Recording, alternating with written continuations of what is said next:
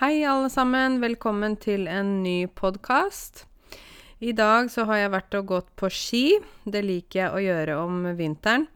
Det er jo sånn at øh, veldig mange norske barn, eller barn som vokser opp i Norge som har foreldre som kan gå på ski, liker å lære barna å gå på ski. Fordi det å gå på ski er en veldig fin treningsform. Man trener hele kroppen. Armer, bein, ryggen, magen.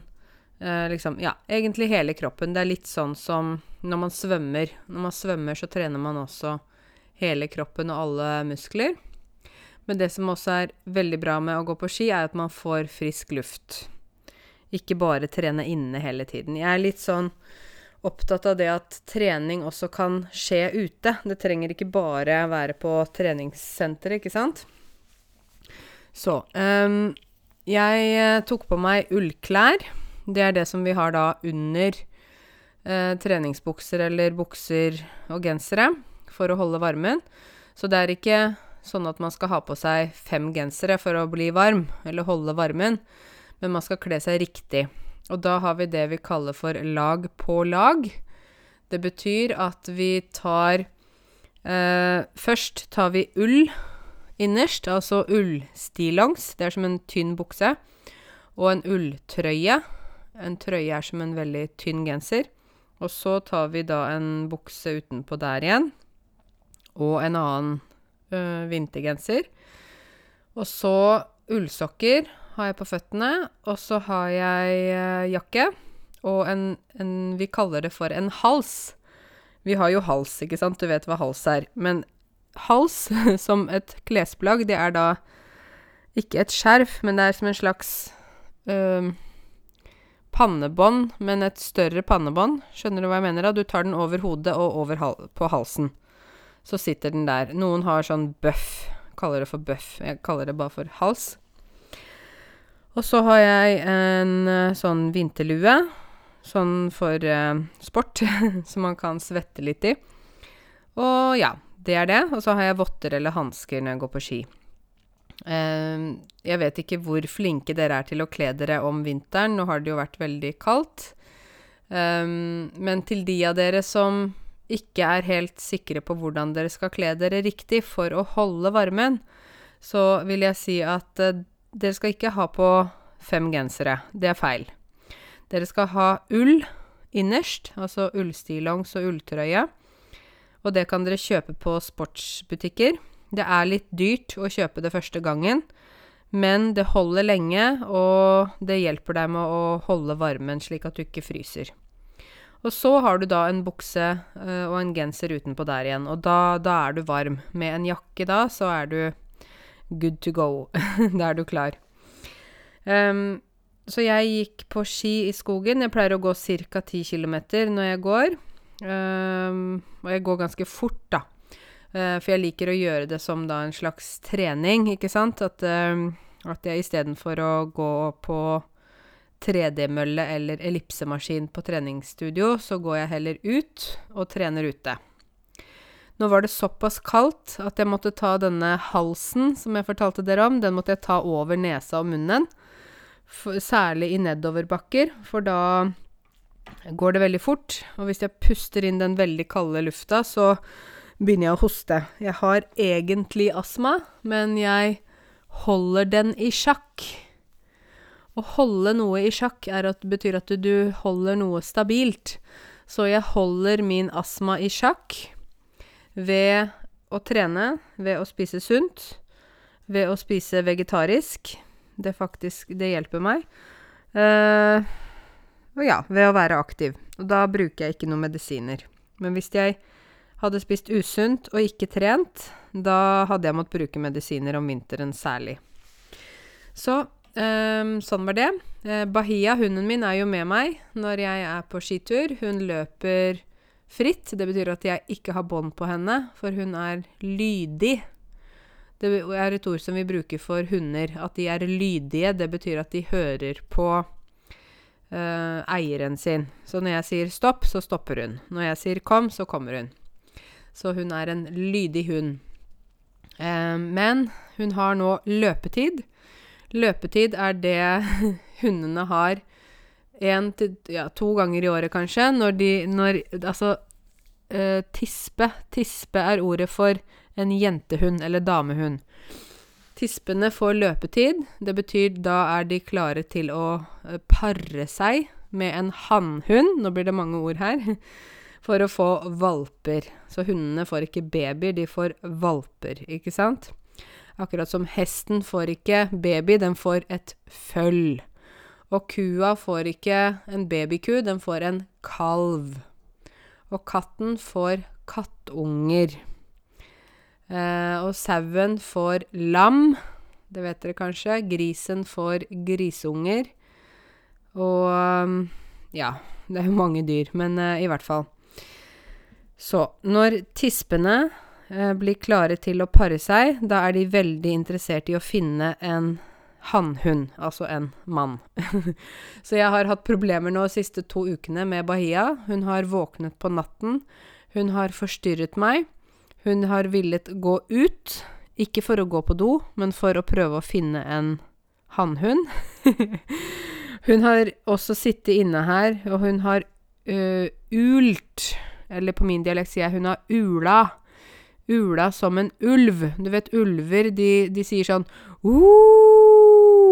Ikke sant? Sånn har hun sittet på kvelden her. Og det er i, i ren frustrasjon. Ren frustrasjon. Det betyr bare frustrasjon over at jeg ikke lar henne få gå ut og finne en kjæreste. Jeg har jo hatt valper tidligere. Så det var veldig gøy, men også veldig slitsomt, så jeg vil ikke at hun skal få valper igjen. Det holder med én gang. Hun fikk jo faktisk åtte valper da hun fikk valper, så det var nok. Eh, så jeg var litt nervøs når jeg gikk på skidag, for jeg tenkte hvis vi treffer en hannhund, da kan det være vanskelig for meg å få henne med meg. Men heldigvis så var det ikke så mange på ski i dag, for det er veldig kaldt. Det har vært her eh, i Oslo 13 minus. Så jeg tror mange tenkte åh, det er for kaldt til å trene eller til å gå på ski. Så det var ikke så mange ute i løypa. Skiløype. Ei skiløype, det er altså sånne når man, de har kjørt med en sånn type bil for å lage spor i snøen, slik at det er lettere å gå. Det heter skiløype. Og der det er lys, ikke sant, inne i skauen og sånn, da kaller vi det for lysløype. Da er det lettere. Hvis det blir mørkt, så kan du likevel se. Så det var en god treningstur. Jeg var faktisk på ski både i går og i dag. Så nå har jeg fått trent. Og da, når man kommer hjem etter trening, det vet vi alle sammen, alle vi som liker å trene, da er vi så fornøyde, ikke sant? Da er du ferdig med å trene. Du har brukt kroppen, du er sliten, du er fornøyd. Kroppen er fornøyd, hjernen er fornøyd, og da kan du sitte i sofaen f.eks. og se en film med god samvittighet, for da har du faktisk brukt kroppen. Det er jo sånn at det er jo egentlig naturlig for oss mennesker å bruke kroppen hver dag. Hvis vi tenker sånn historisk sett, før vi hadde TV og isolerte hus og biler og alt, så var vi jo ute i naturen. Vi bodde i naturen. Eh, vi gjorde fysisk arbeid, eh, ikke sant. Vi lagde all maten eh, fra scratch. Vi, vi bygget husene våre. Vi, om vinteren bar vi ved, og vi eh, vi gjorde mange ting sånn manuelt, da. Men etter hvert som alt blir automatisk, så bruker vi dessverre kroppen vår mindre og mindre. Og det er veldig dumt. Så da må vi selv prøve å holde oss i form. Eh, for kroppen forstår jo ikke at vi nå lever i et digitalt samfunn. Hodet vårt forstår det, men kroppen vil fortsatt ønske å ha øh, Ja, være aktiv og, og bruke seg, ikke sant? Så da må vi gi kroppen det den trenger.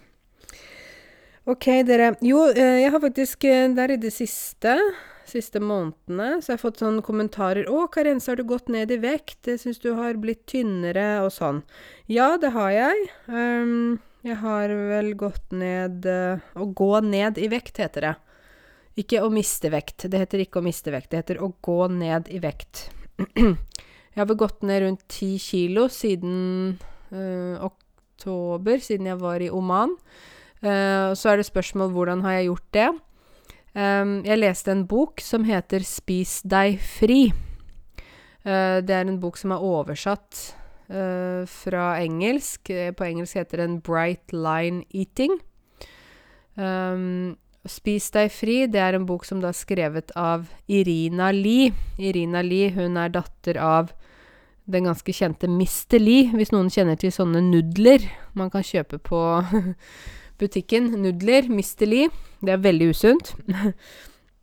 Og hun Irina, hun er eh, journalist, så hun eh, skrev da den boka fra Bright Line Eating om til norsk. Å skrive om til et annet språk, da oversetter man.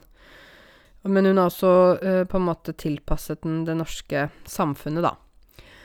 Kort fortalt så handler det om eh, at man skal ha noen klare grenser i forhold til hvordan man spiser. Og eh, det boka handler om, er at man skal kutte ut totalt kutte ut sukker. Og da betyr det også Pepsi Max, sånne Lekkerol og ekstra sånn tyggis og sånn. Det betyr honning. Det betyr tørkede frukter, altså f.eks. rosiner, tørkede aprikoser. Juice Juice inneholder masse sukker. Så alt med sukker skal man kutte ut. Man kan spise frukt, men ikke noe annet som inneholder sukker. Eh, og så skal man kutte ut mel også. Det er det som kanskje er liksom det store bøygen. En bøyg, det er liksom noe som er vanskelig å komme over. Noe som er vanskelig. Um, det å kutte ut mel, og hva betyr det? Jo, det betyr å kutte ut brød. Det betyr å kutte ut pannekaker. Det betyr å kutte ut uh, vårruller, alt som er laget med mel, og ikke bare hvetemel. Alle typer mel. Kikertmel, mandelmel, hvetemel, havremel, byggmel, alle typer mel. Alt som er malt. Ikke male som man maler maling, male vegger og tak, nei. Å male noe, uh, det kan man også gjøre med korn, eller frø, man, og krydder. Da har man ja, en maskin, og så maler man det til pulver, ikke sant? Og det er det som det står om i den boka, at det er forsket på at med en gang vi tar noe fra naturen som har en naturlig form, f.eks. sukkerrør, ikke sant? Sugar cane på engelsk. Um, og med en gang vi lager det om til hvitt, raffinert pulver, da skaper vi en avhengighet. Avhengighet er det at vi må ha noe. Akkurat som for eksempel jeg er avhengig av kaffe, så er også da mange mennesker avhengig av sukker. Noen bruker sukker i teen, noen spiser sjokolade, øh, noen drikker Pepsi Max eller Cola Zero, og så sier noen da ja, men det er ikke sukker i Cola Zero. Nei, men det smaker sukker. Så hjernen din tror at det kommer sukker. Så det har på en måte samme effekt, da. Um, så kutte ut sukker og kutte ut mel. Og så sier noen ja, men hva skal du spise da? Hvis du ikke kan spise sukker, ikke spise mel. Ja, det er ganske mange ting man må kutte ut. For meg var det ikke noe veldig vanskelig, for jeg Jeg tenkte ja, jeg har lyst til å gå ned i vekt, og lyst til å prøve det der. Um, og så skal man spise bare tre ganger om dagen. Ikke noe mellommåltid, ikke noe snacks. Ikke ta uh, litt peanøtter klokka to fordi man hadde lyst på det. Nei. Så det er bright lines, altså det er sånne klare grenser, da. Så til frokost, da pleier jeg å spise havregrøt uten sukker, men med mye kanel. Um, lager jeg det med vann og kanel uh, og havregryn. Så koker jeg det, og så gjerne har jeg litt nøtter i. Eller solsikkekjerner, eller gresskarkjerner. Det kan dere lete etter på butikken. um, og så har jeg gjerne cottage cheese, for det er da en måte for meg å få proteiner. Og så har jeg en frukt. Det er min frokost, men det er ganske mektig. Jeg blir veldig mett. Og så skal jeg da vente fire til seks timer til neste måltid.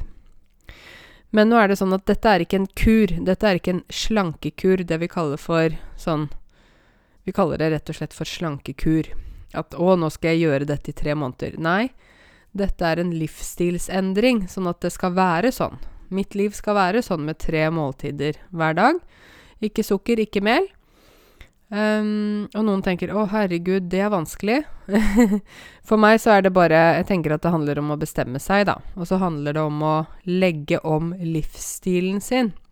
Å legge om livsstilen, det betyr Å legge om, det betyr å endre. Bytte, skifte livsstil. Og jeg har aldri vært veldig usunn, men uh, jeg vil gjerne bli enda sunnere. Så tre måltider om dagen, og så fire til seks timer mellom hvert måltid. Og ikke noe mellommåltid, ikke snacks, ikke et eple mellom to måltider. Det skal være sammen med måltidet. Så til lunsj spiser jeg Ja, det kan være salat, det kan være supper, det kan være Men det er ikke mel, det er ikke sukker. Og så spiser jeg også frukt. Én frukt. Én frukt til frokost, én frukt til lunsj, men ikke frukt til middag. Så de av dere som er interessert, så kan dere jo lese boka. 'Spis deg fri' heter den. Eh, alternativt uh, 'Bright Line Eating', for de av dere som uh, vil lese den på engelsk. Og det er faktisk uh, Boka er skrevet av en dame som heter Susan Pierce Thompson. Og hun er professor og hjerneforsker. Så hun vet mye om hvordan hjernen responderer, og hvordan kroppen reagerer. Og hun sier det at noen av oss mennesker, vi er mer sånn avhengig av mat enn andre mennesker. Så hvis man er sånn veldig sånn at man Å, mat er sånn uh, belønning eller trøst, så kan det hende at man er veldig sånn Ikke klarer å stoppe seg selv, da. Jeg er ikke sånn at jeg ikke kan stoppe meg selv, men uh, jeg, som mange andre, liker god mat. Og jeg liker sånn forskjellig mat, ikke sant, fra hele verden. Særlig når jeg reiser, så syns jeg det er veldig spennende å smake forskjellig mat. Men uh, ja. Jo, og så en ting til. Uh, mens man da skal liksom gå ned i vekt, så skal man ikke trene. Det betyr Og det høres kanskje veldig rart ut, fordi alle hører jo alltid at du skal spise mindre og trene mer, og så går du ned i vekt. Her er det sånn at du skal heller følge dette programmet, men skal du ikke gå inn for å trene mens du går ned i vekt. Og da kan man kanskje tenke Oi, men da går du ikke ned i vekt. Jo, det er da du går ned i vekt. Og så når du har kommet til den vekten du ønsker, da kan du begynne å trene igjen. Vedlikeholde. Du skal holde det du har klart å gå ned. Um, jeg går jo turer hver dag, og, og sånn som nå har jeg gått på ski. Uh, men nå er jeg, er jeg, egentlig fornøyd med sånn som jeg er. Så nå er det mer vedlikehold for meg. Men uh, mange syns det er kanskje rart at man ikke skal trene samtidig mens man går ned i vekt. Men det er faktisk ikke så rart, fordi hvis man skal prøve å gå ned i vekt, så er jo det veldig krevende. Det er veldig sånn uh, Ja, det, det, er en prosess. Man må liksom bestemme seg, og man må være målrettet og sånn. Og hvis man i tillegg da skal presse kroppen til å trene veldig hardt, samtidig som man prøver å gå ned i vekt, så eh, kan det bli for mye. Og da plutselig så klarer man ikke å trene, eller man klarer ikke å spise sunt. På et eller annet punkt så kanskje man da svikter. Så derfor så er det sånn, da. Så det har vært effektivt, og det har vært uh, lett for meg. Ikke vært noe problem. Um, jeg syns det er veldig deilig å ikke få i meg noe sukker. Jeg tenker at sukker er som gift. Ikke å være gift og være skilt og være kjæreste. Ikke sånn. Men gift er jo også det som eh, vi kan dø av, eller det som er eh, veldig, veldig dårlig for kroppen. Akkurat som røyk er gift for kroppen. Um, usunn mat er gift for kroppen. Um, ja. Så nå har jeg ikke noe behov for sjokolade, sukker, um, iskrem, kaker, muffins, boller. Jeg er ikke interessert. Jeg har ikke lyst på det i det hele tatt. Så det er jo veldig effektivt. Jeg, jeg tenker ikke på sukker i det hele tatt. Mens før så kunne jeg kanskje være mer sånn å, hm, å, nå fikk jeg lyst på et eller annet. Eller for eksempel på lørdag, ikke sant. Å, nå er det lørdag. Kanskje jeg skal kose meg med noe. Men nå er jeg ikke interessert. det er veldig rart. Jeg, jeg, tenker ikke så mye på det. Så til de av dere som er interessert, så kan dere jo sjekke ut hvordan det der er. Det er også en gruppe på Facebook som heter Spis deg fri. Så spennende. det har i hvert fall fungert for meg, da, og nå er jeg veldig fornøyd. Så vi har alle våre veier til å nå de målene vi setter oss. Å sette seg et mål betyr at man bestemmer seg for å klare noe. Om det er norskprøven, eller om det er å gå ned i vekt, eller hva. Så er det mange veier til å nå det målet, til å komme frem dit du vil være, da. Så dette fungerte for meg, i hvert fall. Um, I dag når jeg gikk på ski, så hørte jeg på en podkast som heter Aftenpodden. Aftenpodden, det er Aftenpostens podkast. Um, det er ikke en podkast jeg vil anbefale til deg hvis du er på A2B1-nivå, for de snakker veldig fort, og de snakker med mange koder. Um, og det er en dame der som snakker bergensk. Det går veldig fort, men til de av dere som har lyst til å prøve, så kan dere gjerne prøve. Aftenpodden, altså P-o-d-d-e-n, altså i ett ord. Um, da snakket de om dette med politikk. De snakker ofte om politikk, så hvis du ikke er interessert i politikk, så er det ikke så spennende. Men jeg er mm, sånn middels interessert i politikk, altså medium. Ikke, ikke, veldig lite, ikke veldig mye, men jeg følger med. Uh, nå har det jo blitt dannet en ny regjering. Den har ikke blitt laget, den har blitt dannet. Altså de har bestemt seg for å samarbeide. Da er det Høyre, som er partiet til Erna Solberg, statsministeren vår. Så er det Frp, som er da det mest høyreorienterte partiet i regjeringen. Um, og så er det Venstre, som er litt sånn midt, midt på Midt på, kan vi si. Med ja, de er uh, både enige og uenige med Høyre og Frp. Og så har da KrF, det Kristelig Folkeparti også kommet inn i regjering. Etter Dette har jeg snakket om før i høst, at det var sånn valg og sånn. Um, så nå har vi en ny regjering. Og da er det jo sånn at uh, nå er det enda et parti som er inn i regjeringen. Nå er det fire partier. Det er jo spesielt. En flertallsregjering, kaller vi det. Og når det er flertallsregjering, da må jo alle partiene få lov til å ha noen poster uh, på Stortinget. Å ha en post betyr at man er gjerne en minister for et eller annet. Ikke sant? Vi har jo f.eks. helseminister, vi har utdanningsminister, vi har fiskeriminister osv. Så, videre. så da måtte Frp, blant annet, Fremskrittspartiet altså, måtte gi fra seg noen poster til KrF, som da skulle også få eh, noen poster. Mm. Og så hørte jeg på Aftenpodden, denne podkasten, og så snakket de om noe som jeg syns er helt forferdelig og ekstremt, som nå har skjedd i den siste eh, tiden, som jeg bare syns er utrolig sånn Hva skal jeg si? Jeg syns det er veldig provoserende.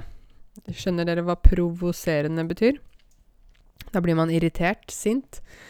Det er da en av Frp-folkene som heter Per-Willy Amundsen som kom da med et forslag om at eh, han gjerne vil at eh, det skal bli kutt i barnetrygden etter barn nummer tre for eh, innvandrere som får mange barn. Særlig somaliere. Når jeg hørte dette, så ble jeg så sint, irritert, frustrert, alt på en gang. Eh, denne mannen sier da at ok, hvis du er norsk og får fire barn, fem barn, seks barn, da skal du få full barnetrygd for alle barna. Og barnetrygden, det kjenner dere kanskje til. Dere som har barn, i hvert fall, kjenner til barnetrygden. Barnetrygden er eh, penger man får hver måned fra eh, Nav. Fra barnet er født, fra første måneden, og til og med barnet er 18 år. Da er det 970 kroner per måned, som det har vært inntil nå 31. desember. Fra og med 1. mars så blir det 1054 kroner per barn per måned. Og det får du hver måned frem til barnet er 18 år. Ikke sant? Men så sier denne her uh, mannen Per-Willy Amundsen, han sier da at uh, ja, det er greit at nordmenn får flere barn, og mange, de kan gjerne få mange barn, men hvis f.eks. en somalisk familie får fem barn, Da skal de ikke få eh, barnetrygd eh, når det kommer barn nummer fire og barn nummer fem. Og han, mannen da sier at ja, f.eks. de somalierne, de får bare barn for å få penger fra Nav. Og når jeg hører det, dere, da blir jeg forbanna. Og hvorfor blir jeg forbanna? Hva betyr å bli forbanna? Det betyr å bli ekstremt sint. Fordi dette er direkte rasisme. Det er det. Man kan ikke si at dette ikke er rasistisk. Dette er rasistisk. Han sier det offentlig. Han, si, han, har da fordommer mot en spesiell gruppe mennesker i samfunnet, altså somaliere. Og han sier det at mange somaliere de går bare på Nav, og de jobber ikke og sånne ting.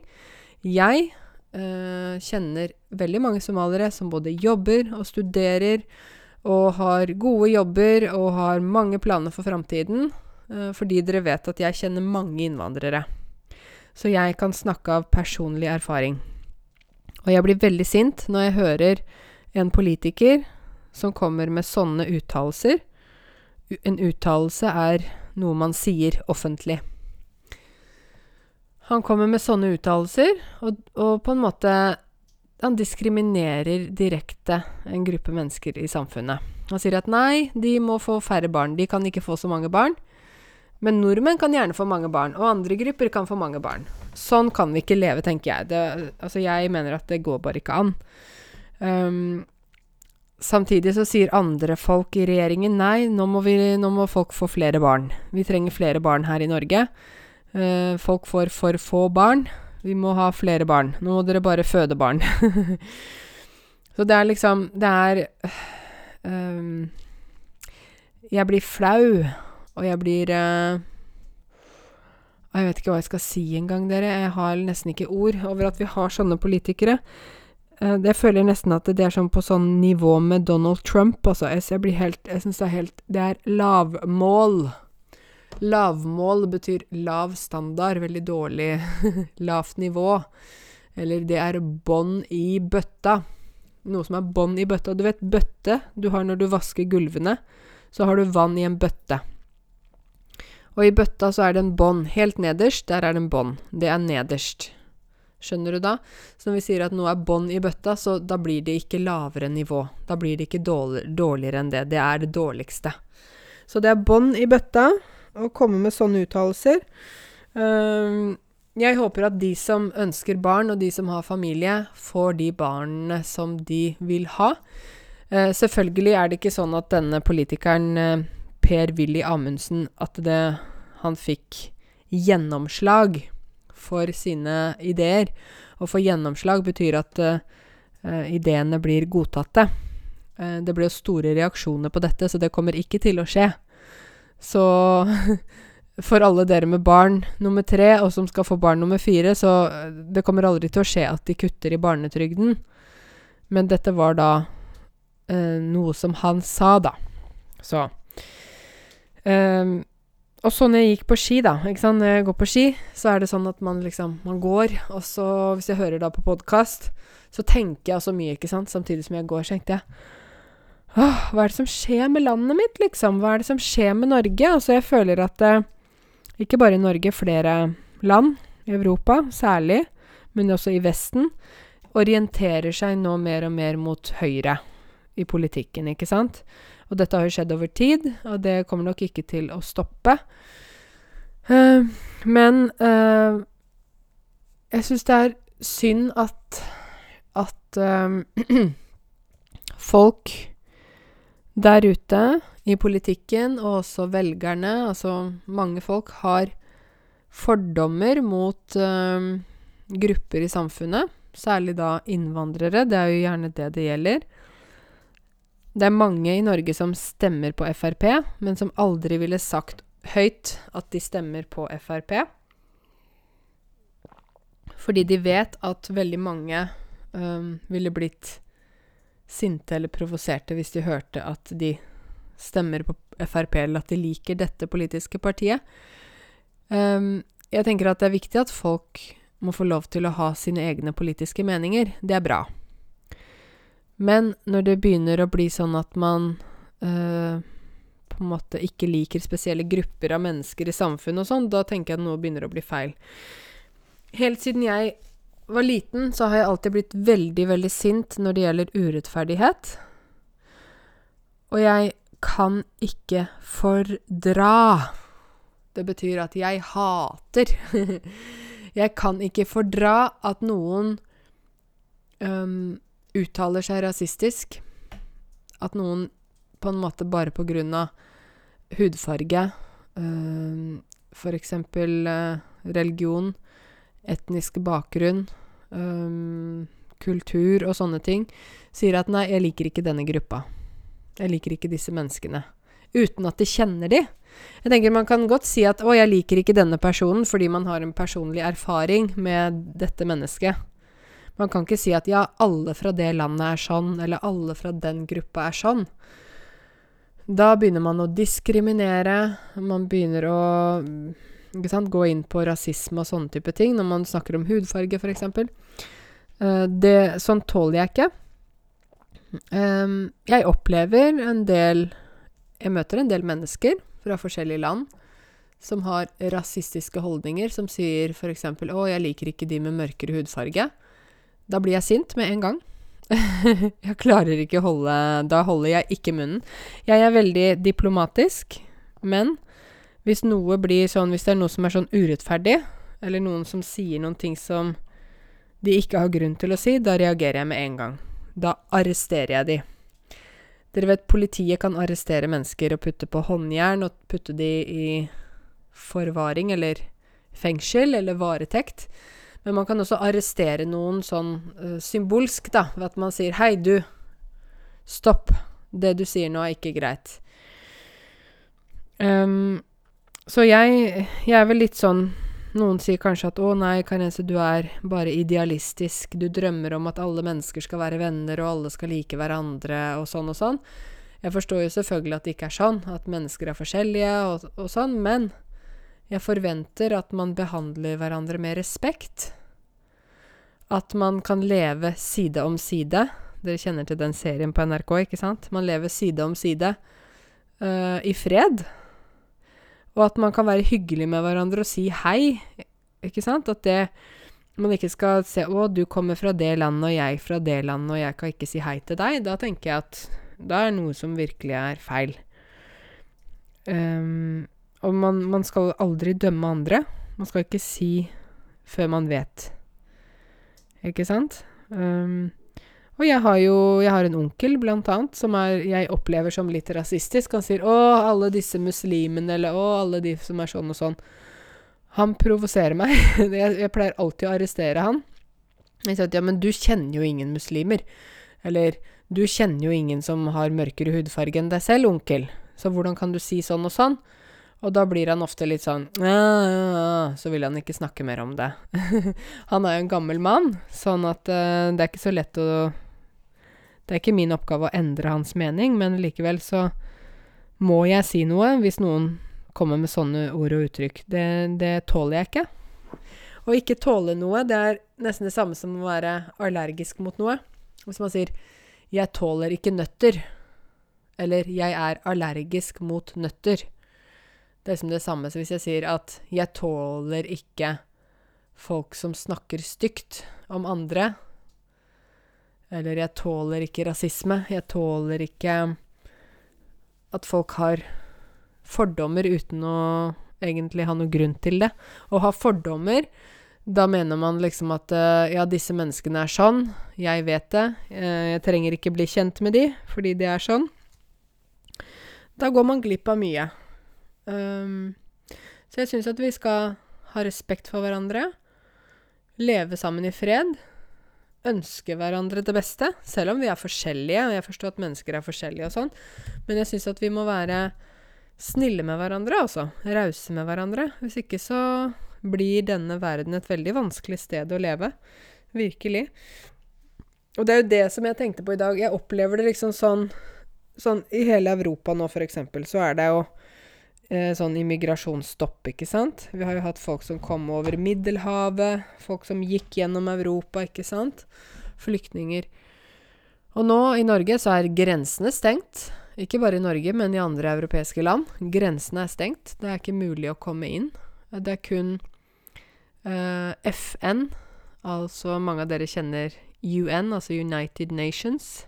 Vi sier FN, Forente nasjoner. FN drar ned til land der det er konflikter, krig, politiske problemer og sånn, og henter flyktninger. Det kalles kvoteflyktninger. Nå har Frp fått uh, gjennomslag for at uh, Norge maksimum skal ta imot 3000 kvoteflyktninger i 2019. Det høres kanskje mange ut, men det er ikke mange. Til sammenligning så kom det vel i 2015 og 16, eller en av de, kom det vel 30 000 flyktninger til Norge. Så det var jo ganske stor forskjell. Um, men 3000, det er jo veldig få, og de skal da fordeles utover hele Norge. Uh, Norge har plass, Norge har økonomi. Norge trenger flere mennesker. Vi har jo sagt det selv, vi produserer ikke nok barn. vi trenger folk som kan hjelpe med de gamle. Vi har ikke nok helsepersonell. Um, dessuten trenger vi folk med forskjellig bakgrunn, mener jeg, for å utvikle landet. For å um, skape en uh, mer Ja, hva skal jeg si? Um, bedre infrastruktur. Utvikle forskjellig type teknologi og innovasjon. Vi trenger folk med forskjellig bakgrunn. Vi trenger folk fra forskjellige land, med forskjellig utdannelse, med forskjellig erfaring. På den måten tenker jeg også at sammen med nordmenn så kan folk som flytter hit som innvandrere, også løfte Norge opp, løfte opp. Løfte opp det motsatte er å dra ned, slik at det går dårlig. Å løfte opp, da blir ting bedre. Løfte Norge opp og bringe Norge videre og opp og fram. Ikke tilbake, ikke sant? Men vi nordmenn kan ikke gjøre det alene. Vi kan ikke utvikle landet alene. Vi trenger forskjellige folk. Vi trenger um, dette for å gjøre landet bedre, rikere, på så mange måter, da. Ikke penger, men jeg snakker om kulturell Det vi kaller for kulturell kapital. Og også dette med innovasjon og utvikling. Uh, så åh, det er et sånn hjertesukk. Du vet, sukk, et sukk, det er sånn Sånn. Og hvis jeg sier at det er et hjertesukk, det betyr at hjertet mitt sier sånn. Det er et hjertesukk. Uh, og det er utrolig for meg at uh, vi er så Mange er så skeptiske til innvandring. Og mange er kjemperedd for at dette truer velferdssamfunnet vårt, at vi ikke skal ha demokrati. De tror at Å, hvis vi får mange innvandrere hit, da blir den norske um, grunnmuren, altså det norske um, samfunnet, blir ødelagt og sånn. Og det er jo helt feil. Vi har jo hatt innvandring til Norge siden slutten av 60-tallet. Folk kom fra Tyrkia, kom fra Marokko, kom fra Tunisia, fra Pakistan, fra India osv. for å jobbe. Og vi trenger den arbeidskraften. Arbeidskraft er mennesker som jobber. Og vi må forstå at vi trenger dere, dere som hører på meg. Vi trenger dere, og dere trenger kanskje oss også, ikke sant? Vi må forstå at vi vi trenger hverandre, da. Og da er det så provoserende når noen kommer og er sinte på innvandrere og sier 'Å nei, vi kan ikke ha innvandrere i Norge', og bla, bla, bla. Bla, bla, bla. Det har dere hørt meg si mange ganger. Det betyr liksom at man da um, Ja, de sier mange ting da om innvandring, men de forstår kanskje ikke at vi trenger jo innvandrere, ikke sant? Um, jeg er inne på en side nå som heter ssb.no. S for Spania, så dobbel S. B for Brasil. ssb.no. Og da har jeg skrevet innvandring på søkefeltet der. For dette er da Statistisk sentralbyrå. Statistisk sentralbyrå, de lager uh, statistikk om mange forskjellige ting. Annet om uh, folk. Og da skal jeg fortelle litt av det jeg sitter og ser på nå på nettet. Dette er fakta om innvandring. Eh, landsbakgrunn for innvandrere i Norge 2018. Da er det 48,7% av innvandrere i Norge kommer fra Europa. 33,2% kommer fra Asia. 13,9% kommer fra Afrika. Fra Sør- og Mellom-Amerika kommer det 2,8 og fra Nord-Amerika 1,2 og fra Oseania, altså Australia-området, der er det 0,2% Så det er flest fra Europa. Hvor mange innvandrere er det i Norge eh, per 2018? Nå er vi jo 2019, men ja. Da var det eh, 746 661 personer som da ble regnet som innvandrere. Og da det, hadde det gått opp 21 674 personer fra 2017. Det betyr at det hadde flyttet 21 674 personer til Norge i løpet av 2017. Norskfødte med innvandrerforeldre, det betyr at foreldrene var innvandrere, så, så kanskje mange av dere som hører på meg nå. Men så har dere fått barn i Norge. Da kaller vi de for norskfødte. Norskfødte med innvandrerforeldre, det var da i 2018 169 964. Og det ble født da altså 11 200 barn fra 2017 til 2018 av innvandrere. Og så er det da um, Ja, så skal vi se. Nå blar jeg litt lenger nedover her. Um, I Norge, totalbefolkningen, så er det 14% som er innvandrere, og 3,2% som er norskfødte med innvandrerforeldre. For eksempel min venninne Amna. Hun er født i Norge, Foreldrene kom til Norge fra Pakistan. Så hun er norskfødt. Og hun kaller seg selv for norsk-pakistaner. Mm, og så står det litt opprinnelse. Hvor kommer innvandrerne fra? Landsbakgrunn. Hvor tror du de fleste kommer fra? Det er jo fra Europa, ikke sant? Det største gruppa er fra Polen. Det er absolutt den største gruppa. Det er nesten 100 000. Og så er det Litauen. 38 000. Sverige 35 000. Somalia 28 000. Nå sier jeg sånn cirka. Syria 27 000. Tyskland 24 000. Irak 23 000. Eritrea 21 000. Filippinene 21 000. Pakistan 20 000. Thailand 19 000. Danmark 19 000. Iran 17 000. Russland Nå tar jeg alle landene jeg leser her. Russland 17 000. Afghanistan 16 000. Storbritannia Skal vi se Storbritannia England, altså. 14 000. Romania 14 000. Hvis dere hører en sånn rar lyd nå, så er det Bahia som drikker vann. Bahia, kom hit! Hun vil gjerne bråke litt mens jeg lager podkast. Romania 14 000. Vietnam 13 000, eller nesten 14 000. Bosnia, Herzegovina 13 000 og India 11 000.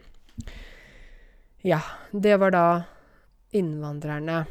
Og så er det jo norskfødte med innvandrerforeldre. Da er den største gruppa Se her nå, er det pakistansk. Så det er 17 000. Det betyr Fordi det er jo den gruppa som har vært lengst i Norge, ikke sant? Og da er det naturlig at det er flest norskfødte i den gruppa. Um, og Polen, der er det 12 000 norskfødte. Somalia 13 000. Uh, Irak 10 000, for irakere har også vært her lenge. Vietnam 9000. Ja. Så dette var jo sånn, ja og hva er grunnen til at innvandrere kommer til Norge? Nå er jo dette her når jeg leser opp fra Statistisk sentralbyrå, eller ssb.no. Så de kommer Hvorfor kommer dere? dere som hører på meg, dere kommer pga. arbeid. Noen kommer pga. familiegjenforening, at mannen eller kona var her først. Noen kommer pga. flukt, som flyktninger. Og noen kommer pga. utdanning. Det er forskjellige grunner. Og så er det da Står det litt om sysselsetting. At det er eh, Sysselsetting betyr eh, hvem som er da Hvem som eh, jobber. I hele befolkningen, hele Norge, så er det 68% menn som jobber, og 63% kvinner. Nå må vi jo tenke at også vi har en del pensjonister. Vi har en del gamle mennesker her som ikke jobber. Blant innvandrere så er det 64% som jobber av menn, og 57% av kvinner som jobber. De som kommer fra Norden, der er det 74% menn som jobber, og 71% kvinner. De som kommer fra Øst-Europa, eller EU-land, land i Europa 72% menn jobber, 66 kvinner jobber. Um, Nord-Amerika 67% menn, 55 kvinner. Og Vest-Europa 70% menn jobber. Altså Vest-Europa er da f.eks. kanskje Spania, England Ja. 70% og 63% på kvinner. Uh, og så Øst-Europa, ikke EU-land. Da tror jeg f.eks. de mener kanskje Serbia. Det er mange serbere i Norge. Så utenfor Europa, utenfor Schengen, da er det 64% menn som jobber, og 60 kvinner. Sør- og Mellom-Amerika, da er det 64% menn som jobber, 58% kvinner jobber. Asia 54% menn jobber, 49% kvinner jobber. Og Afrika 45% av mennene jobber, og 38% av kvinnene jobber fra Afrika. Så det er et sånn forskjellig statistikk.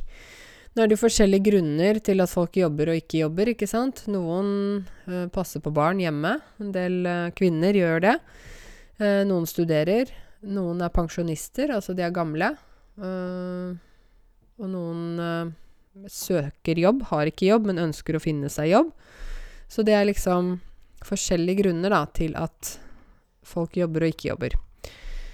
Um, nå går jeg gjennom alle tallene, det er kanskje ikke så spennende for dere å høre, men det er jo litt sånn lytteøvelse, da. Lyttetrening. Forstår du hva jeg sier? Ikke sant? Så er det arbeidsledighet. I befolkningen i Norge så er det 3,8% arbeidsledighet. Altså ca. 4 uh, er arbeidsledige. Da, da, ser vi da bort fra de som er pensjonister, for de er ferdig med jobb, ikke sant? Og blant innvandrere så er det 8,5% som er arbeidsledige. Og det er jo også mye på grunn av at mange innvandrere, mange av dere, ønsker å få jobb. Altså mange av dere som kanskje hører på podkasten min. Dere vil gjerne få jobb, men så er det ikke lett å få jobb, ikke sant? Så det har ikke med å gjøre med at dere ikke vil jobbe, men at dere ikke får jobb, rett og slett. Mm. Um, ja. Så dette var liksom en sånn um, Bare sånn statistisk um, regning på det, da. Um, og så står det litt til slutt her hvor mange flytter fra Norge, ikke sant? I 2016 så var det 40 000 som flyttet ut av Norge. Som forlot Norge. Og hvor flytter norske statsborgere, de som har norsk pass? De flytter til Danmark. 1700. 1700. Flytta til Danmark i 2017. Sverige. England flytter folk. USA 548 personer. Så alt er registrert, vet dere. I Norge så blir alt registrert. Spania i 2017 flyttet det 385 mennesker til Spania. Eh, også andre land vi ikke vet. 199 mennesker ble flyttet til andre land. Tyskland, Thailand 172, Australia 133, Nederland 104. Ja, så det er sånn statistikk. Um, så jeg vil gjerne at dere tar og ser litt på det. Det er veldig spennende, veldig interessant å se om uh, den derre uh, ssb.no. Det står om alt om utdanning og sånne ting. Men mitt poeng er hvis ikke Norge hadde hatt innvandrere For det første hadde Norge vært et kjedelig land. for, for, det andre hadde Norge vært et uh, mm, kanskje lite utviklet land på mange områder. Um, vi hadde vært veldig homogene. Det betyr at vi hadde vært veldig like. Uh, vi hadde kanskje ikke hatt så mye internasjonal kontakt. Det er mange bedrifter og firmaer som ikke hadde eksistert. Ja, det hadde vært et ganske kjedelig land. Så jeg er veldig glad for at vi har innvandrere i Norge. Jeg håper det kommer flere innvandrere til Norge. Eh, vi trenger dere. Vi trenger dere her. Det er bare at mange nordmenn ikke forstår at vi trenger dere. Så den dagen de våkner opp og forstår det, da, da skal jeg ta meg et glass champagne, dere. Så jeg sier ikke at alle er sånn at de ikke forstår, altså, men jeg føler at mange er vel for skeptiske. De trenger ikke være så skeptiske. Dere er ressurser, ikke sant, som tilfører masse positivt til landet vårt, og vi trenger forskjellige folk. Ja, dere, dette ble en lang podkast, men jeg hadde så mye på hjertet, og jeg måtte bare snakke ut om dette her, tenkte jeg i dag. Åh, i dag må jeg lage podkast. I dag må jeg snakke om Nå er jeg frustrert, ikke sant? Um, og det er også sånn Jeg tenker jo på mitt felt også. Jeg tenker på det jeg jobber med, voksenopplæring, norskopplæring. Uh, ja, det blir jo færre og færre innvandrere, færre og færre flyktninger. Mange lærere mister jobbene. Mange lærere må gå på Nav, for de har ikke jobb. Voksenopplæringssenteret blir lagt ned. Asylmottak blir lagt ned. Mange mister jobbene. Så alt i alt så syns jeg at vi må stoppe opp litt nå og tenke på at hvis vi gjør disse drastiske endringene, altså at vi plutselig sier nei, nå skal det ikke være noe innvandring, ja, da har det også konsekvenser for mange i samfunnet som jobber med eh, innvandrere. Så Men jeg heier på dere. Jeg sier kom, kom. Ikke vær redd for å komme til Norge, altså. Eh, vi trenger dere, og velkommen til Norge. Velkommen til vinter og kulde og norsk språk og brunost og matpakke og torsk og alt mulig rart. Nei da. Ok. Men uansett, tusen hjertelig takk for at du hørte på podkasten min, og fortsett å lære norsk, og ha en fortsatt fin uke. Ha det bra.